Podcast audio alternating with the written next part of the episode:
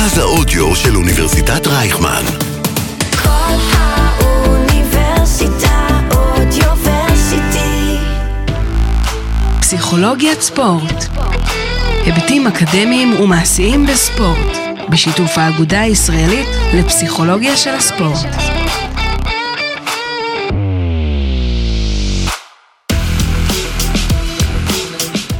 שלום חברים, הגעתם לפסיכולוגיית ספורט. בפודקאסט שלנו מומחים מדברים על היבטים אקדמיים ומעשיים בפסיכולוגיית ספורט. היום יש לי את הכבוד לארח אה, פסיכולוג, חוקר, מרצה, איש אקדמיה, אה, אסף בלט. שלום מאוד אסף. בוקר טוב, תומר. בוא תקרב קצת ל, רק למיקרופון שנשמע אותך. אה, מה שלומך? מעולה, מעולה. מה איתך? על הכיפאק. אה, חזרנו לכאן להקליט אה, עוד פעם אחרי הגל ה... חמישי, אה, אני חושב. חמישי, כן. חמישי, כן. אה, שושי לא נמצאת איתנו כאן היום, אה, בדיוק בגלל זה, אבל אה, אנחנו, יש לנו פודקאסט אה, עמוס אה, וגדוש, אז בוא נתחיל ב... יש אנשים אולי שאולי אולי לא מכירים אותך, אה, אז בוא תספר לנו על עצמך קצת. בסדר גמור, אז נספר על עצמי ככה, בן 33, מתל אביב. אה, למדתי ארבע שנים דוקטורט בפסיכולוגיה של הספורט בפלורידה סטייט, אצל גרשון טנבאום. אה, רצת על זה קצת מהר, מה, מה עשית לפני? אה, האמת שאני מפה, מהבית, מהבינתחומי, זאת אומרת אה, תואר ראשון ותואר שני בפסיכולוגיה חברתית. וואלה, באיזה אה, שנים? ב-2014 עד 2016. זה התואר הראשון. התואר הראשון היה ב-2011 עד 2014, זאת אומרת רצתי all the way. אוקיי, אז ככה. מ-2011 עד 2016 היית כאן, בבינתחומי למדת תואר ראשון ותואר שני בפסיכולוגיה חברתית. כן. היה אז, אה, כמו שיש כאן עכשיו, אה, מגמה של אה, ספורט, או שזה... אז לא היה ספורט, זאת אומרת אני באופן עצמאי עבדתי עם דוקטור ליל גרש גורן בווינגייט, באקדמיה למצוינות, זאת אומרת גם במחקר וגם עזרתי לו בתצפיות וכל כל מיני ככה הקשרים. ומשם ככה באמת ראיתי את החיבור לפסיכולוגיה של הספורט, האורח חיים, ההתנהלות, והרגשתי שככה שם אני יכול לראות את עצמי, ובאמת שהייתה את ההזדמנות אה, ככה לנסוע, אה, לא חשבתי פעמיים וביצעתי את זה, אז לקחת את עצמך, ארזת את המטלטלין שלך ונסעת לפלורידה. חד משמעית, כן. איך זה היה? תקופה מאוד מאוד משמעותית, אה, גם מבחינה אישית, אתה יודע, זה להגיע למקום, לתרבות חדשה, לא מה שאנחנו רואים בטלוויזיה, אוניברסיטה אה, מצוינת, אבל גם מצוינת בספורט, ככה שהשילוב הזה היה שהיה תואר שהוא חצי מעשי וחצי מחקרי. זאת אומרת, בדוקטורט בארצות הברית, אה, בניגוד להרבה, פעם, להרבה מקומות, לוקחים קורסים. אז גם לקחתי קורסים מאוד מאוד מתקדמים. גם הייתי שם כבר מר, מרצה, הייתי מרצה לתואר ראשון, קורס מבוא לפסיכולוגיה של הספורט. גם עשיתי מחקר, וגם עבדתי שם עם קבוצות. זאת אומרת, עבדתי שם אחר הצהריים עם קבוצות, אם זה בכדורסל תיכון, אה, בקולג' אפילו עבדתי עם הקבוצות כן, נשים. FSU בסצנת הקולג'ים אה, נחשבת למעצמת ספורט. חד משמעית. זאת אומרת, פעם היינו מעצמת פוטבול, היום אנחנו דווקא מעצמת כדורסל, כן. אבל מעצמה. זאת אומרת, צריך להבין שבאים לשם מכל העולם. זאת אומרת, עבדתי שם בקבוצת גולף, אה, שלא הייתה אף שחקנית אמריקאית. זאת אומרת, חוץ מהמאמן שהייתה אמריקאית, היו שחקניות משוודיה, אה, מבריטניה, מדנמרק.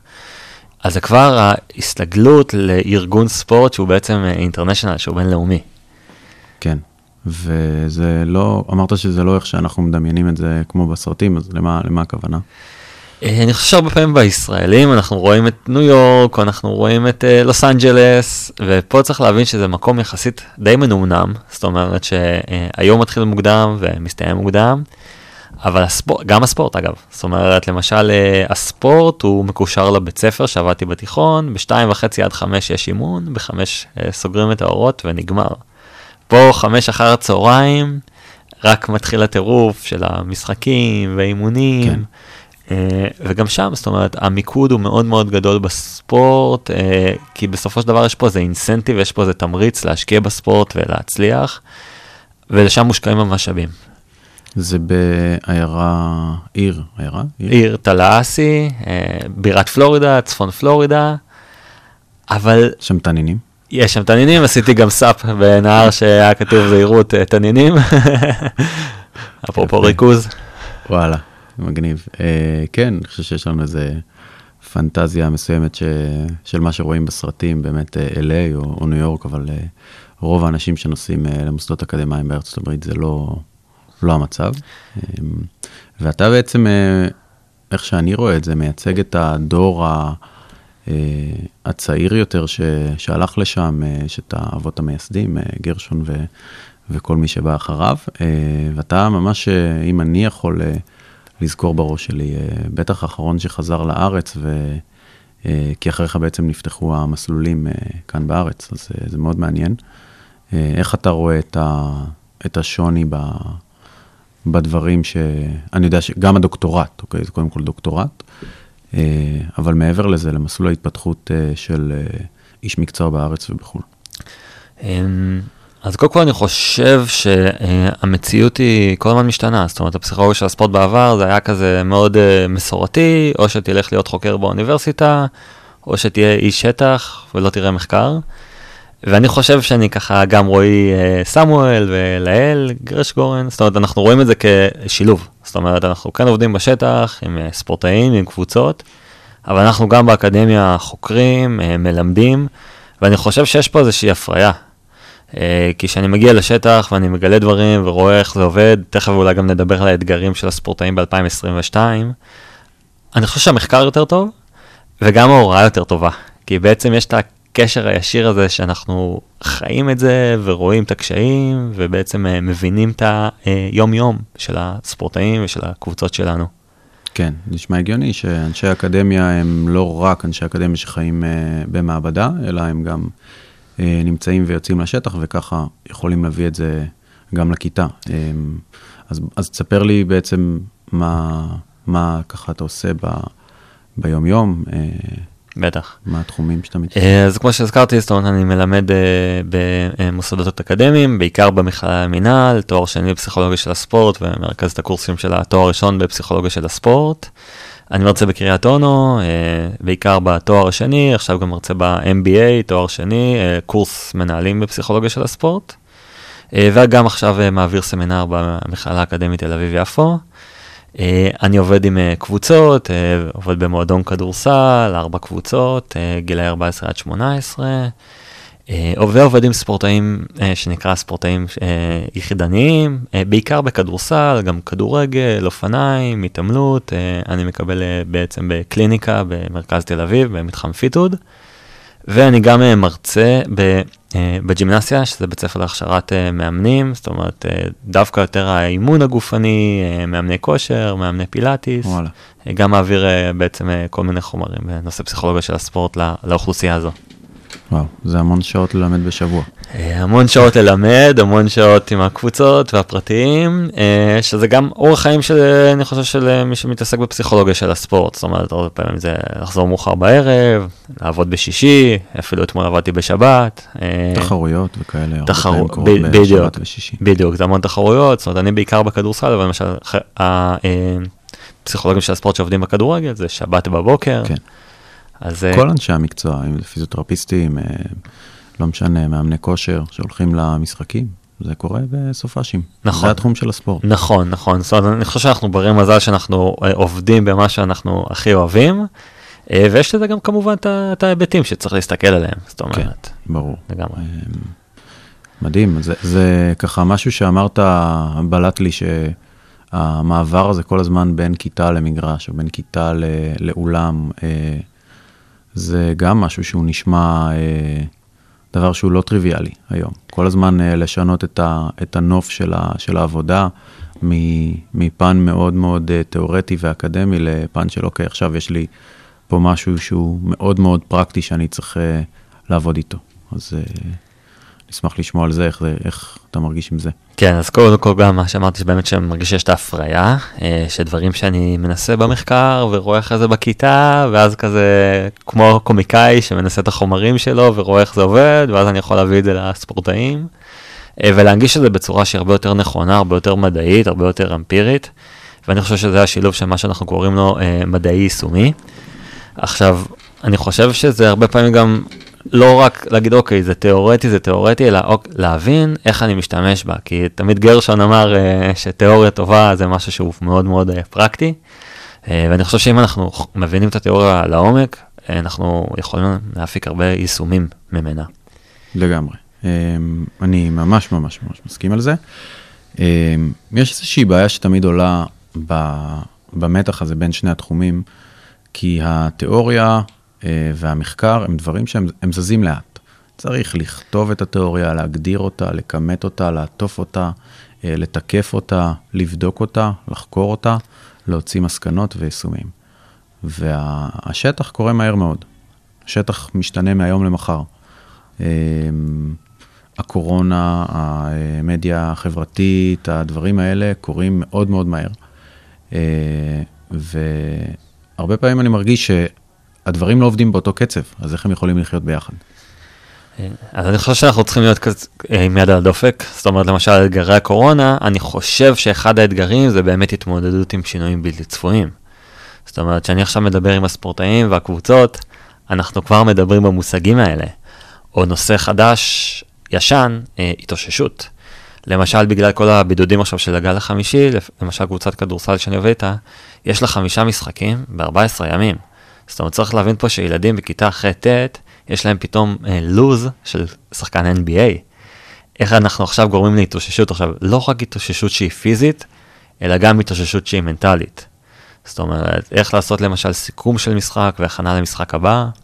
אנחנו מדברים על כל מיני טכניקות כדי להשיג שינה טובה יותר, כי אנחנו יודעים ששינה אה, היא מסבירה משהו כמו 11% בביצועים. אז אם נשען טוב יותר, גם נגיע יותר מוכנים לאימון הבא, אה, נפחית את הסיכון לפציעות. אז אני כן חושב שלמשל הרבה פעמים אה, אני יכול לגשת לספרות ולראות מה יש על רסט, על אה, התאוששות, ולהביא את זה ככה לשטח. אז אני כן חושב שאם יודעים להשתמש בזה בצורה נכונה, לדעת לחפש את המאמרים הנכונים, את העדכניים, אפשר באמת לשפר את השירותים שלנו ולתת, כמו שאנחנו אומרים, את הטיפול הטוב ביותר. מדהים. אנחנו עוד uh, נדבר על זה, על uh, מה הם, ה... ואיך אנחנו מגיעים למחקרים החדשניים וה... uh, והעדכניים. Um, אבל באמת, אני אשמח אם, uh, אם תספר לי קצת על, ה... על, שוב, במסגרת כללי האתיקה, uh, אנחנו, חשוב מאוד תמיד להגיד שאנחנו אגודה ישראלית.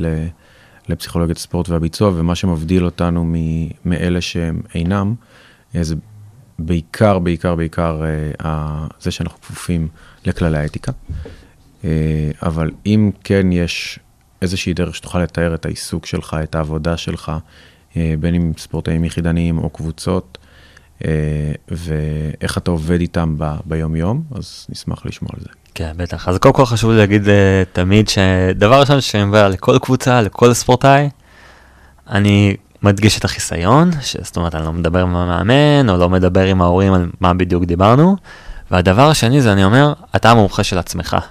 זאת אומרת, אתה מכיר את עצמך הכי טוב, אני כאן כדי לעזור, להכווין, לשאול את השאלות, ואני חושב שעצם זה, אנחנו הרבה פעמים מדברים על החיבור בקשר, יוצר את זה משהו ככה פחות מאיים, יותר רגוע, זאת אומרת, גם אני, אני לא מתיימר להיות פה איזה מכשף או קוסם שמבטיח איזה משהו שאי אפשר להשיג אותו בלעדיי.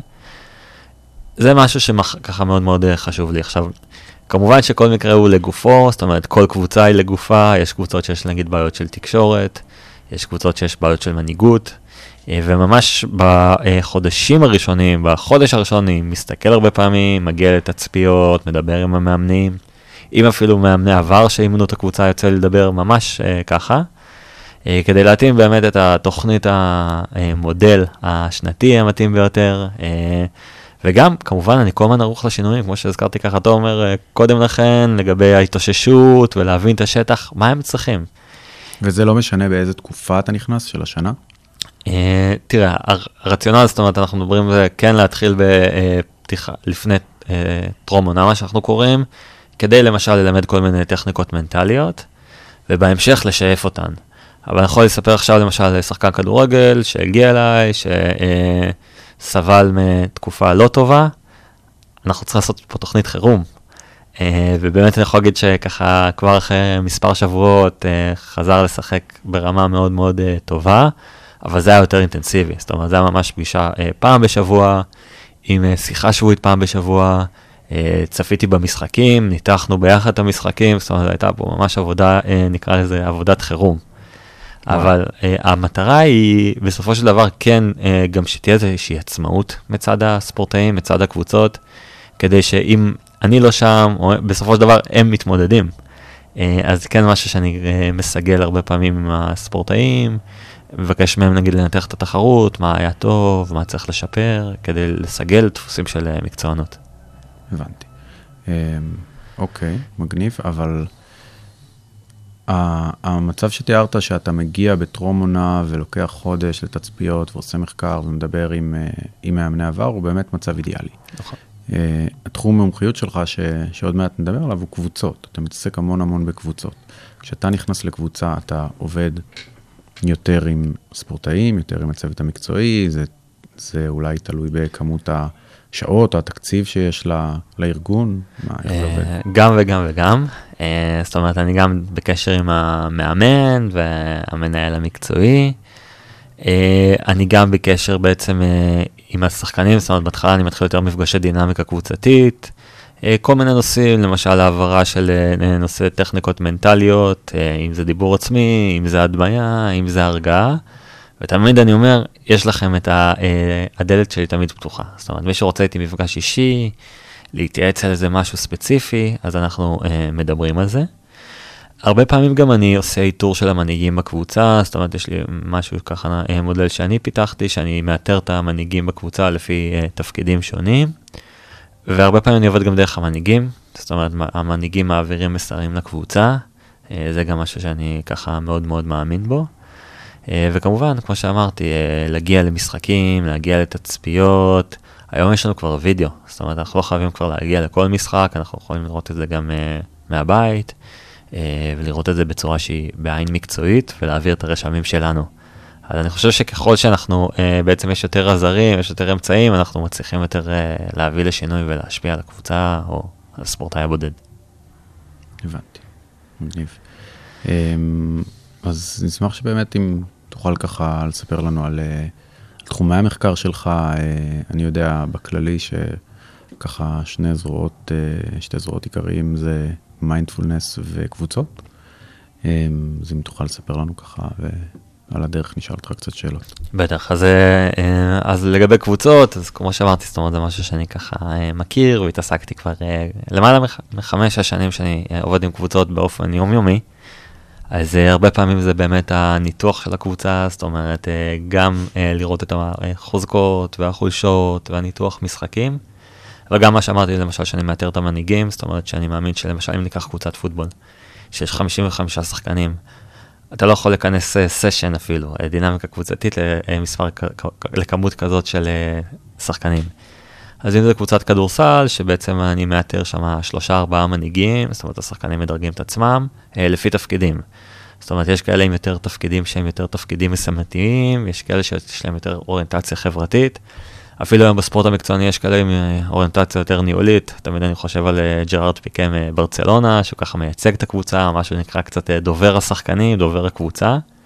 והרבה פעמים יש לי בעצם מנטרה כזאת של פיתוח המנהיגים, זאת אומרת גם אם אנחנו מדברים על בני נוער, הרבה מהם לא בסופו של דבר יממשו את החלום להיות מקצוענים, אבל לפחות גם הם מממשים את עצמם בתור ערכים, בתור בני אדם, ובעצם מקבלים פה גם אימון של פיתוח מנהיגות, אז זה משהו ככה שאני מאוד אה, מאמין בו, זאת אומרת מנהיגות זה נחשב אחד מששת המרכיבים הכי אה, משפיעים על אה, ספורט קבוצתי. אה, כמובן שזה גם היבטים נוספים, זאת אומרת, למשל, הכנה של קבוצה למשחק, אם זה אה, לשלוח להם אה, כל מיני הקלטות, אה, כל מיני בעצם עזרים, כדי שהם יוכלו עם מה לעבוד, כי הרבה פעמים אומרים לשחקנים צעירים להירגע, אבל הם לא יודעים איך להירגע. אה, ומפה הגיע גם אחד החיבורים שלי למיינדפולנס ולאקט, אקט זה acceptance and commitment therapy, אה, בעצם טיפול באמצעות אה, קבלה ומחויבות. שגם הרבה מהעבודה הפרטית שלי היא מתעסקת בזה, זאת אומרת, זה נקרא הגל השלישי של ה-CBT. הגל הראשון של ה-CBT דיבר בעצם על התניות, אנחנו מדברים על ווטסון, אלברט הקטן, חיזוקים ועונשים. הגל השני זה היותר מוכר, זה איך לשנות את המחשבה, איך, איך לעבור מחשיבה שלילית לחיובית, או אני אומר הרבה פעמים משלילית לפחות שלילית, כי זה קצת יותר אותנטי. אה, והגל השלישי הוא באמת יותר אותנטי. הגל השלישי בעצם לא מנסה לשנות את המחשבה, אלא להבין שהיא נמצאת שם, ואיך בעצם אנחנו אה, מתייחסים אליה. עכשיו, יש פה את העניין של הקבלה, שבין היתר נכנס פה מיינדפולנס, אה, קשיבות לרגע, שזה הרבה פעמים מושג באמצעות טכניקות הרפאיה, טכניקות הרגעה, להיות נוכחים ברגע, זאת אומרת להסתכל על המחשבות שלנו ולהבין שאנחנו בוחרים אה, איך להסתכל עליהם.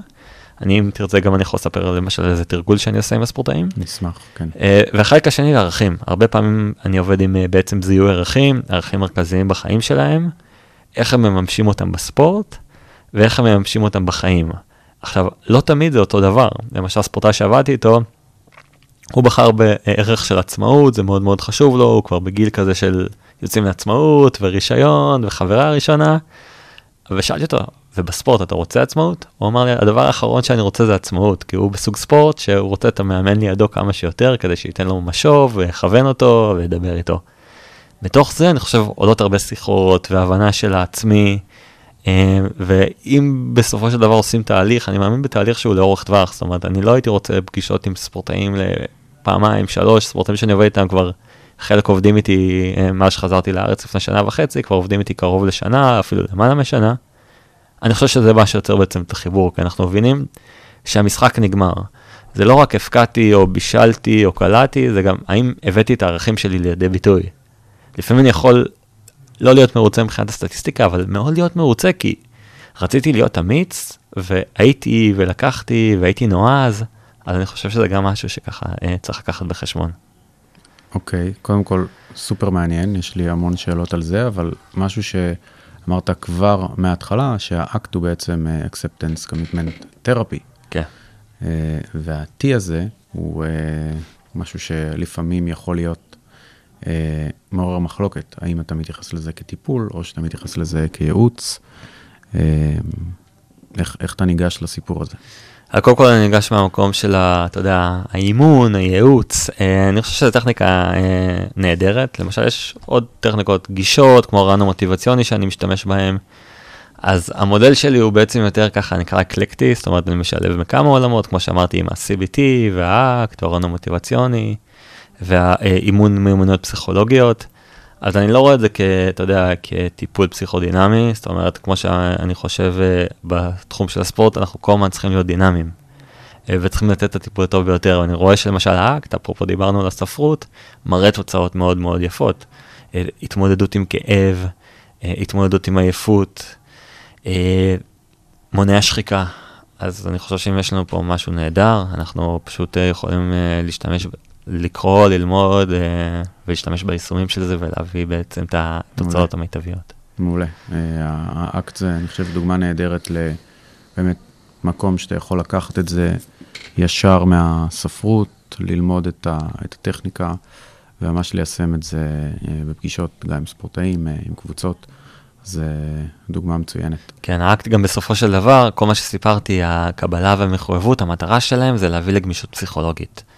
ואני חושב שגמישות פסיכולוגית, אם אנחנו מדברים גם על הבריאות הנפשית של ספורטאים בעת האחרונה, זה גם לחיות חיים מלאים. זאת אומרת, זה לא רק הצלחה בספורט, אלא גם חיים מאוזנים, לאזן בין הקריירה הספורטיבית לבין החיים הפרטיים שלנו, ואני חושב שהאקט הוא מאוד מתאים ב, בתקופה הזאת, בעת האחרונה. אני זוכר ששמעתי אותך מדבר, אה, ואני אשמח אה, אם תרחיב, כי זה דבר שהוא מרתק, האלגוריתם שהתעסקת בו, אני לא זוכר בדיוק מתי, בשנים האחרונות, אה, בהקשר של קבוצות ותיאום קבוצתי ו-shared mental models. כן, אז אה, באמת בדוקטורט בפלורידה אה, עשיתי מחקר שבוצע באמצעות אלגוריתמים של מה שנקרא social network analysis, ניתוח רשתות חברתיות. שמסתכלים על הקבוצה. לא הרשתות החברתיות שאנחנו מכירים. לא פייסבוק ואינסטגרם ולא טיק טוק. לא צריך לנתח את זה. לא, לא. לפעמים כן, אבל במקרה שלך. אגב, גם שם, אה, אם תלך, יש שם ניתוחים מאוד מעניינים בהקשר של ביצועים ספורטיביים, למשל אה, אה, כל מיני ציוצים של טוויטר אחרי 11 בלילה ופציעות ספורט. וואלה. כן, כן, ראו שציוצים בטוויטר אחרי 11 בלילה, יש קורולציה מאוד יפה עם פציעות ספורט ביום שאחרי, אפרופו התאוששות. ב-NBA? ב-NFL? NBA. נשלח לך גם אה, לינק למחקר הזה. אבל אם נלך ככה לניתוח רשתות חברתיות שלנו, זה משהו שהתפתח באמת, כמו שאמרתי, מהסוציומטרי, אבל הרבה יותר מורכב והרבה יותר מעניין, שאנחנו מסתכלים על הקבוצה כרשת. זאת אומרת, למשל, אני מד... אם בסוציומטרי זה מדרגים חברויות, אני מדרג אותך, אתה מדרג אותי. פה בעצם לקחתי מחקר שדירגתי אה, בעצם אה, פסים, אה, אה, רשתות של פסים בין אה, קבוצות כדורגל בבונדסליגה בגרמניה, בפרמייר ליג באנגליה ובעל הליגה בספרד. והשוויתי בין קבוצות שסיימו בשלושת המקומות הראשונים וקבוצות שבעצם ירדו לליגה השנייה באותה שנה. וראינו בעצם כל מיני דפוסים, יש כל מיני ככה אה, אמצעים מתקדמים, אם זה density, ממד של, אה, מימד, ממד של צפיפות, אה, וסנטרליטי, מד, מדד של מרכזיות, ואנחנו רואים כל מיני דפוסים של קבוצות. למשל, קבוצות שהן מרכזיות נמוכה, זה אומר שיש יותר ביזור, שבאסטרטגיית פסים שלהם הם פחות מסתמכים על שחקן אחד, ואז הם באמצ... באמצעות זה יותר ורסטיליות, יש להם פתרונות יותר מגוונים. לדוגמה. אה, לדוגמה ברצלונה, ברצלונה של פעם. של פעם אה, 2017-2018. אה, ברצלונה בתקופת אה, לאו מסי, אינייסטה, אה, כן. זאת אומרת קבוצה שאפשר להסתכל ומסוג של סנפשוט כזה ממבט אפשר ללמוד הרבה דברים. עכשיו, גם שואלים אותי מה הקשר לפסיכולוגיה. אה, אני חושב שבסופו של דבר, כמו משהו שאנליסטים עושים. אני חושב, אגב, אני מאמין בעבודה כן צמודה עם אנליסטים, למשל בקבוצת כדורגל שככה שחקנים שעובדים איתי, אני הרבה פעמים מסתכל על כל מיני היבטים, על קבלת החלטות. אה, אני חושב שהתחומים אה, מתחברים, זאת אומרת, אנחנו לא יכולים להיות רק פסיכולוגים שיושבים בקליניקה הפרטית שלנו, אנחנו גם צריכים להכיר את העולמות האלה. אז כן, זה קצת לוטש לעניינים טקטיים, אבל אני כן חושב שאפשר להסיק הרבה אה, המשגות פסיכולוגיות באמצעות זה. זאת אומרת, להבין מה זה מהימנות בספורט, אה, מה זה מומחיות בספורט, איך קבוצות של מומחים מתנהגות, אה, מה האסטרטגיה שלהם. אה, ובהתאם לזה גם אפשר אה, לשפר למשל אה, מנהיגות בהמשך, או תקשורת. אז אחד השלבים הבאים שאני רוצה זה לקשר את זה באמת לדברים שנקרא יותר soft skills, אם זה התקשורת והמנהיגות, עם הטקטיקה. אוקיי. ומה, זה, זה לא מחקר התערבותי. לא, זה מחקר אה, בעצם אה, תיאורי, שככה אני מראה בעצם אה, כל מיני התנהגויות של קבוצות עילית, למשהו שנקרא קבוצות תחרותיות, אבל לא ברמה עילית. מה שהצלחת להראות שם הוא כמות פאסים? אה, אה, אז גם, גם בכמות, אבל גם, כמו שאמרתי, יש כל מיני אה, אינדיקציות, של מה שנקרא density, שזה צפיפות, שלמשל קבוצות איפה שהן משחקות בשטח במגרש, אז הקבוצות הטובות מן הסתם משחקות יותר גבוה ויותר קרוב, לשער היריבה, אבל גם ביניהן הן יותר uh, צפופות. וגם מדד של centrality שמראה מרכזיות. עכשיו, ככל שהמרכזיות יותר נמוכה, זה אומר שהקבוצה היא נסמכת על פחות, זאת אומרת, יש יותר ביזוריות, לא נסמכים על שחקן אחד. וקבוצות של מומחים באמת יראו יותר את הביזוריות הזאת. זאת אומרת שיש להם מגוון פתרונות למצבים, אה, ויכול להיות שזה, אנחנו יודעים שזה מתאמי, אבל יכול להיות שזה מה שמסביר את המומחיות של אותן קבוצות. כן, זאת אומרת, אין, אין כאן, אה, לא, לא הצלחת להראות על אה, סיבתיות, שבגלל שיש להם אה, יותר שחקנים מומחים, אז הם יותר מבוזרים. אה, אה, כן, זה קצת ביצה ותרנגולת, זה כן. ככה מה שאנחנו קוראים במחקר, אה, במחקר הניסויי, מחקר שהוא מתאמי, אבל אני חושב שזה כן אינדיקציה, זה כן דרך חדשה להסתכל על זה, זאת אומרת, אם זה שימוש באלגוריתמים, מחקר שהוא לא רק, אנחנו יודעים שגם בקורונה באמת קשה לעשות מחקרים בשדה, אז אפשר להמשיך את המחקר ולעבוד ולייצר. ואני כן חושב שמי שמתעסק בפסיכולוגיה של הספורט, גם צריך להכיר את המקומות של ה... גם קצת הטקטים בספורט, זאת אומרת לא ברמה של uh, ממש כמו מאמן, אבל כן צריך לדעת את המושגים, uh, כן צריך לדעת, לדעת לדבר בשפה הפיזיולוגית, uh, ואני חושב שזה משהו ככה שמאוד היה מעניין בהתפתחות שלי, uh, תוך כדי הדוקטורט שם בפלורידה. מסכים, אני מסכים מאוד, אני חושב שגם אנחנו בתור אנשי מקצוע אה, מעריכים כשיש איש מקצוע אחר, בין אם זה פיזיותרפיסט או, או מאמן כושר, או תזונאי, או רופא, או מאמן, או לא משנה מי, שיודע לדבר בשפה שלנו, שיודע להבין אה, בכללי את העולם שלנו, אז אני חושב שזה צריך לעבוד גם הפוך, בעיקר בגלל שהעולם שלנו מושפע המון אה, מהתחומים של, של אותם אנשי מקצוע. אה, אני אשמח שאם תוכל ככה לספר אה, איך אתה בכללי מנתח את האתגרים המנטליים אה, של ספורטאים, מאמנים, פסיכולוגים, האתגרים שכולנו צריכים להתמודד ביחד אה, בעת המודרנית, עכשיו אה, ממש 2022. אנחנו, אני לא רוצה להגיד פוסט קורונה, אני כבר אמרתי את זה כמה פעמים ו... המציאות חזרה לנשוך אותנו, אבל uh, בעידן uh, של רשתות חברתיות, בעידן של uh, סביבה משתנה, uh, איך אתה רואה את הדברים? אז אה, וואו, אה, זה באמת הרבה, זאת אומרת, גם נוספה לנו הקורונה, וגם אם אנחנו מדברים על העשור האחרון, על הרשתות החברתיות, אני חושב שזה הרבה העניין של ההבנה מה בשליטתי ומה לא בשליטתי. זאת אומרת, אם זה בגישה למשחק, אני יכול להאשים למשל את מזג האוויר, האם זה בשליטתי או לא בשליטתי. אה, אני חושב שהעניין הזה זה משהו שככה מאוד מאוד חשוב לי לעבוד עם הספורטאים, להבין שהרבה פעמים יש דברים שבשליטתי. איך שאני מתכונן למשחק זה בשליטתי. אם הדקה הראשונה במשחק לא אכל לי טוב, עדיין יש עוד 39 דקות של משחק, זה בשליטתי. אז זה משהו שככה מאוד אני עובד איתם על העניין של האי ודאות. אה, אם זה כמו שהזכרתי קודם, תומר, למשל העניין של ה... אה, להיות משחק והתכוננתי כל השבוע, ופתאום יש ארבעה מאומתים בקבוצה השנייה ואין משחק. איך אני מתמודד עם זה, איך אני ממשיך. גם העניין של לשמר מוטיבציה פה. זאת אומרת, לשמר אורח חיים מקצועני, כי פעם זה היה נורא ברור, זאת אומרת, היה אימונים, היה משחק, לא היה הרבה ביטולים, ועכשיו אנחנו חיים בתקופה של אי-ודאות. Uh, למשל, יש את הניסוי של הנחשים, uh, אתה מכיר אותו? תזכיר לי.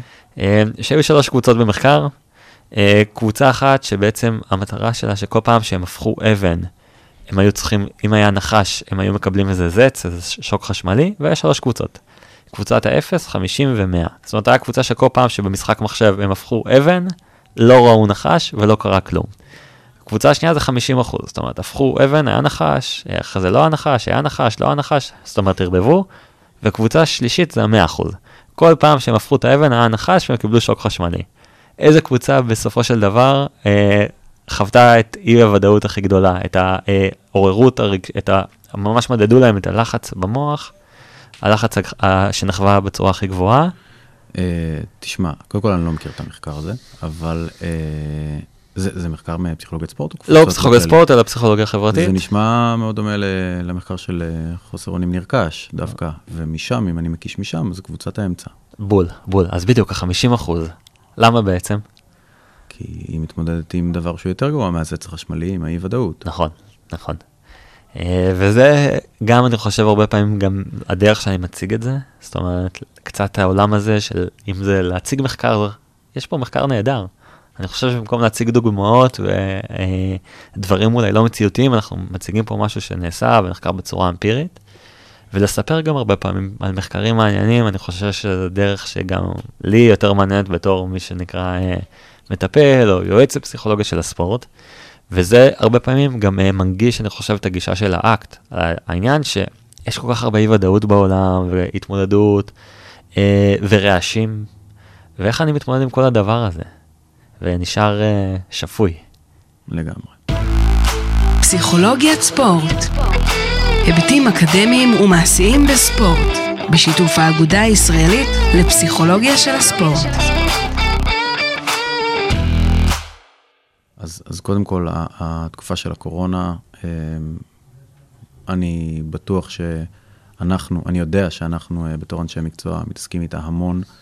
אה, ממש בימים אלה מכבי תל אביב משחקת אה, כמה?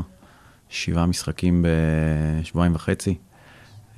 דווקא עושה להם טוב, למכבי תל אביב כדורסל.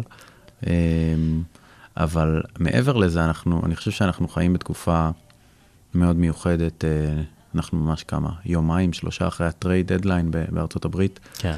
וראינו איך uh, שחקנים uh, כל כך מושפעים מעידן הרשתות החברתיות. האינטראקציה של השחקנים ושל הציבור הכללי היא ישירה, שלא כמו פעם, ו, ואנחנו רואים איך הדברים האלה משפיעים על המגרש. אמ, איך אתה מנתח את זה הן מבחינה תיאורטית וגם מבחינה... אז גם מבחינת המחקר, אפרופו אמרת, טריידים ומעברים, המושג של דינמיקה קבוצתית, ה effect size, הגודל אפקט שלו בספרות המחקרית יורד עם השנים. זאת אומרת, פעם קבוצות היו יותר מלוכדות ויותר מגובשות, כי שנה שלמה, אפילו שנתיים, היית רץ עם אותו תמהיל של אה, ספורטאים, של ספורטאיות, ובשנים האחרונות קבוצה שהיא מתחילה היא לא אותה קבוצה שהיא מסיימת.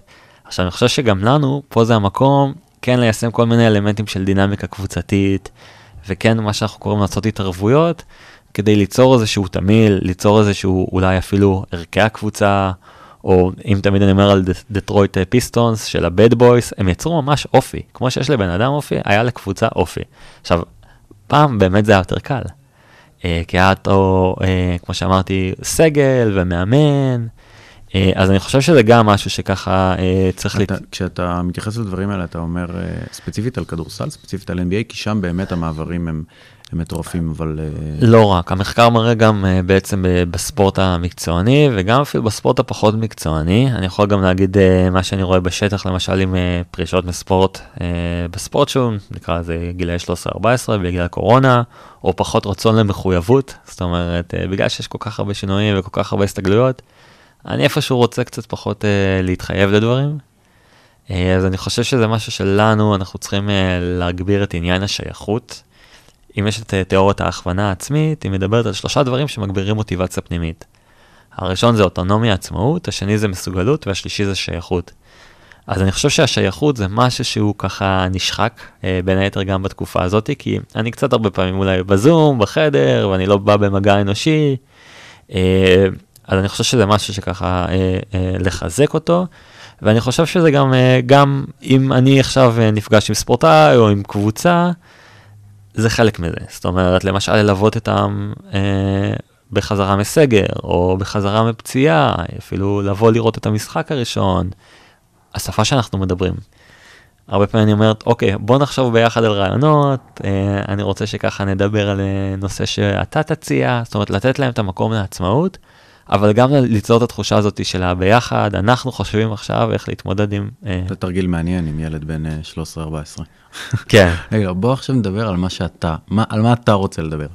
הרבה פעמים אה, ילדים הם בגיל הזה מה שנקרא, אה, לא, לא יודעים איך לייצר את השיח הזה לבד, אבל זה נראה לי תרגיל סופר חשוב. אה, אני רואה שיפור, זאת אומרת, בפעם הראשונה באמת יש את המבוכה, אפילו נקרא לזה את השתיקה, אבל במפגש הרביעי או חמישי עם אותו אה, ספורטאי צעיר בן 13, פתאום הוא מספר לי משהו מהחיים שלו. פתאום בחרו אותי לנבחרת בית ספר. אה, זו תחושת גאווה כזאת, ובוא נרחיב קצת, בוא ניצור גם את תחושת, כמו דיברתי על מוטיבציה פנימית, גם המסוגלות. אז הרבה פעמים אני חושב שזה משהו שמעניין לשמוע כן. אותם ואת uh, תפיסת עולמם. כן, זה מרכיב שהוא נשמע מאוד uh, קרוב ל, לעולם. כן, משהו טיפולי, איזושהי אסוציאציה חופשית uh, של ספורטאי, ואני חושב גם כמוך שזה דבר uh, מאוד מאוד חשוב. גם לי יצא uh, לעשות את הדברים האלה עם, uh, עם נערים וגילאים צעירים, וזה, קודם כל זה תמיד מבדר. אה, זה מצחיק לראות לאן הם לוקחים את זה, אבל זה גם אה, תמיד מוביל למקומות מאוד פרודוקטיביים. אה, שאני חושב שתוך כדי, במקום להביא את התיאוריה איתנו, אנחנו יכולים לקחת את הדברים של הספורטאי, או מי שאנחנו עובדים איתו, ותוך כדי הדברים שלו, להלביש את, ה, את הדברים שאנחנו רואים כתיאורטיים. וזה גם מה שעושים הרבה פעמים בטיפול. כן, אני חושב שזה מה שבסופו של דבר יוצר שינוי, שזה בא מהאדם עצמו. אה, וזה גם מה שמחזיק מים. זאת אומרת, זה לא יעזור uh, בסופו של דבר אם אני אגיד לך משהו, אלא אם זה בא ממך, אתה מייצר את זה, יש מה שנקרא אפקט הבעלות בכלכלה כן. התנהגותית, זה שלך, יש לך ערך יותר סנטימנטלי uh, אל הרעיון הזה, ואני חושב שזה הרבה יותר בר קיימא. מדהים, מצוין. Um, אז ככה, איזה תיאוריות בולטות, בין אם הם ממש ממש תיאוריות בסיסיות בעולם הפסיכולוגיה, או דברים uh, יותר מודרניים מעולם הפסיכולוגיית ספורט, או אפילו דברים שממש כזה cutting edge, uh, שיצאו ממש עכשיו. Uh, אתה חושב שמקבלות תוקף uh, עכשיו ב, בתקופה שלנו? כן, אז קודם כל באמת הזכרתי את התיאוריה של התיאוריה שלדעתי מובילה היום בעולם במוטיבציה Self-Determination Theory, תיאוריית ההכוונה העצמית. שצריך שלושה תנאים בסיסיים למוטיבציה פנימית, שהזכרתי ככה את העצמאות, את המסוגלות ואת השייכות, שזה משהו שלדעתי מאוד מאוד חשוב. התיאוריה של האקט כמובן, של הקבלה והמחויבות, שהיא מאוד מאוד אותנטית, זאת אומרת לבחור את הערכים, ויכול להיות שהיה לי ימים קשים, אבל כן חייתי לפי הערכים שלי, וזה נותן לי איזושהי אה, תחושה מאוד נעימה. והתיאוריה ככה השלישית שאולי לא דיברתי עליה, שזה אה, Individual Zone of Optimal Functioning, שזו תיאוריה שפעם אמרו שיש ככה קשר אה, בין אה, ביצועים לבין עוררות, שאנחנו יודעים שאנחנו מבצעים בצורה, התיאוריות היו הפוך, מבצעים הכי טוב כשאנחנו בעוררות בינונית. והיום זה שבעצם יש לנו את הזון שלנו, לכל ספורטאי יש את הזון שלו, יש כאלה שפורחים בעוררות שהיא יותר נמוכה, אולי אפילו קצת עם הקורונה, שאין קהל, שאין משחקים, שיותר שקט. זה משהו שממש ראו אצל שחקני NBA צעירים, נכון. שהפרפורמנס שלהם עלה משמעותית אה, בתקופה של הבאבל, אה, שלא היה אה, קהל. נכון, אני זוכר למשל אפילו בכדורגל, הפועל תל אביב, פתאום העלו המון שחקנים מהנוער, ושחקנים שפתאום הצליחו להשתלב בצורה הרבה יותר נוחה, כי לא היה את הלחץ הזה של הקהל, ואפילו היה משחקים של 50 אנשים. אתה, אוקיי, אם אתה מסתכל על זה מנקודת מבט של לחץ זה משהו אחד, אבל אם אתה מסתכל על זה מנקודת מבט קוגנטיבית של גירויים ודברים חושיים, אה, שאחרי זה מובילים לדברים קוגנטיביים. אה, אני חושב שכן, בסופו של דבר זה בא בהלימה, כי אה, וואו, פתאום פעם ראשונה שאני במגרש, אה, אתה יודע, משחק בסמי עופר, או 30 אלף איש, אבל יכול להיות שהטבילת אש שלי היא הרבה יותר נעימה, אה, והרבה יותר אולי אפילו קצת בתנאי מעבדה, וזה גורם לי אה, להגיע יותר, אה, אולי אה, ל- ל- להיכנס למים בצורה הדרגתית, כמו שאומרים.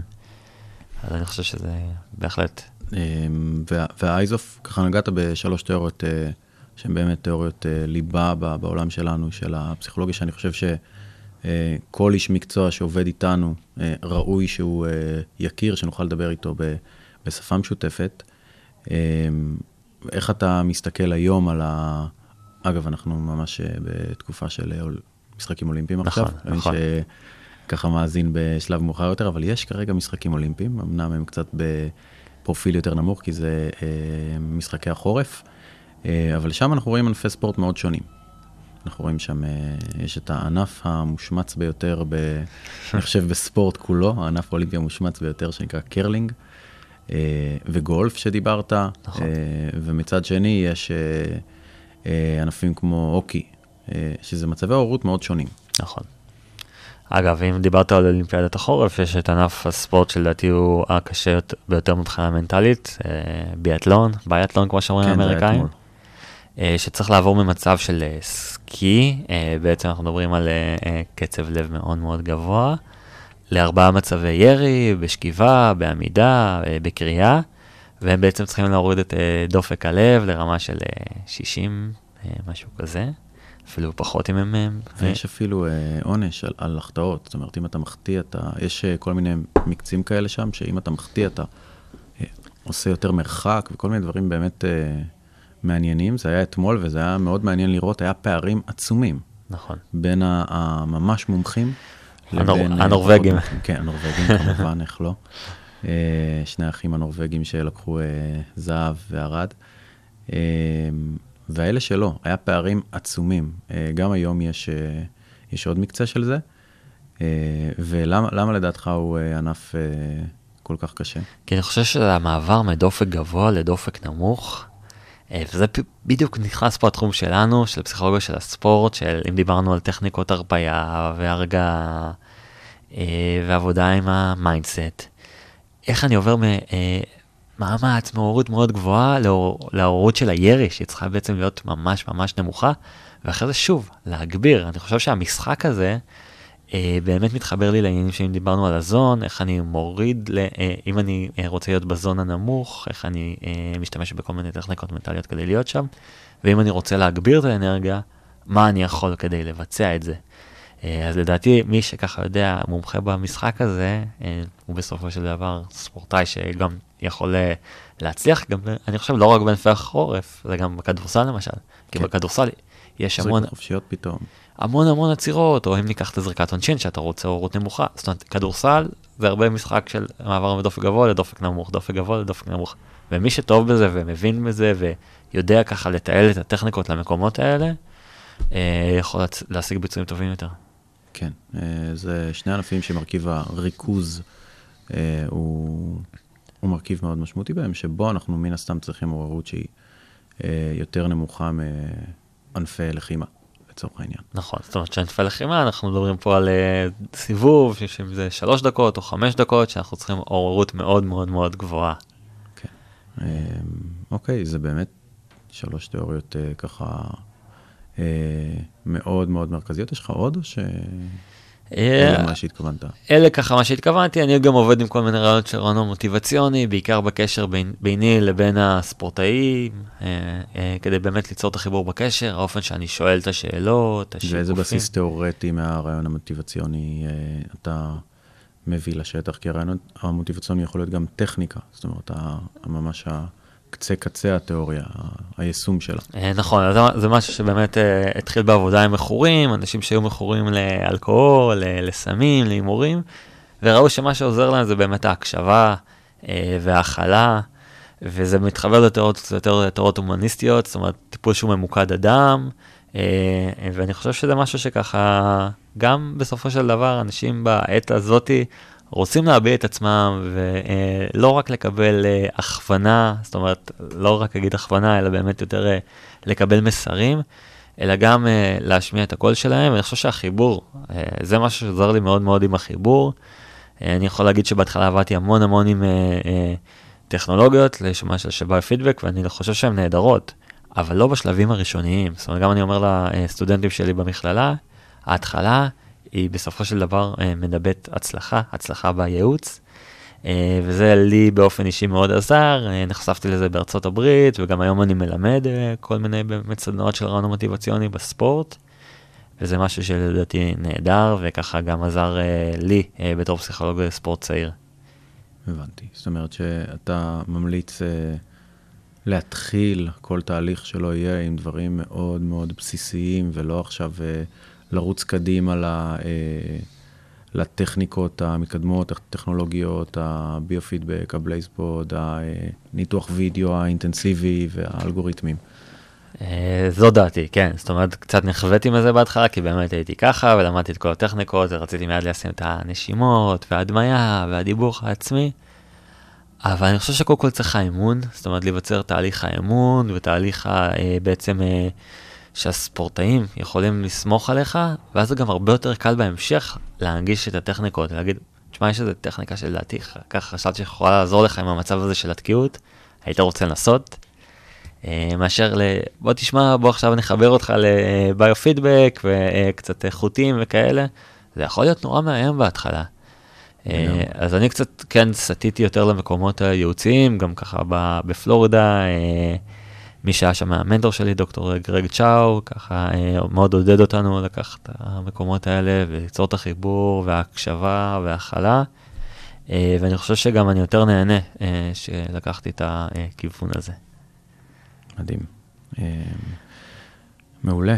אנחנו כיסינו המון המון המון חומר. אני אשמח שככה לסיום תספר לנו איזה עצה היית נותן למי שעכשיו רוצה להתפתח בתחום, איזה איש מקצוע שהוא אה, מתחיל, שרוצה ללמוד. יש אה, הרבה כאלה עכשיו בשדה. אז לגמרי, אז כמו שאמרתי, היו לי הרבה מנטורים לאורך הדרך, אם זה עם אה, עבודה עם רועי ועם לאל ועם אה, גרשון וגרג צ'או בארצות הברית, וגם יש לי מנטור בארצות הברית, אה, ישראלי לשעבר, אה, שעובד בניו יורק, אה, דוקטור אה, איציק צור, אה, שאני מקבל דרכו הדרכה, mentoring, מתייעץ איתו על כל מיני מקרים, לשמוע את דעתו, וגם לי זה עוזר, זאת אומרת מבחינת אה, לשמור על קור רוח, והרבה פעמים למשל כשאנחנו עובדים עם ספורטאים מאוד מקצוענים, אנחנו רוצים לתת קבלות, וכמו שאמרתי, יש את הלחץ הזה לספק הרבה טכניקות, אה, אז אני חושב שזה טוב תמיד לשמוע עוד קול. אה, אני גם מעביר אה, בעצם בפרקטיקום במכלל המינהל, בתואר שני בפסיכולוגיה של הספורט, גם עובד עם אה, עוד אה, שבעה סטודנטים לתואר שני, ובעצם אני עכשיו מנטור, אז ככה זה גם מעניין לראות את זה ככה משני הצדדים.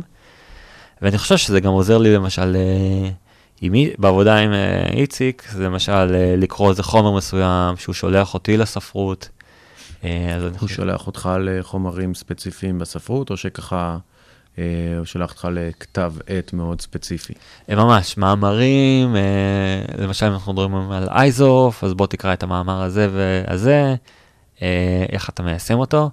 ואני גם לקחתי את זה, זאת אומרת, אני גם אה, אה, נותן שיעורי בית לסטודנטים שעובדים איתי, וממליץ על חומרים מסוימים, כמובן בהתאם לגישות שלהם. זאת אומרת, אם אני רואה את הנטיות שלהם כלפי איזה תיאוריה מסוימת, או כלפי איזה מחקר מסוים, אני מנסה גם להנגיש להם ולתת להם את המנטורינג המתאים ביותר.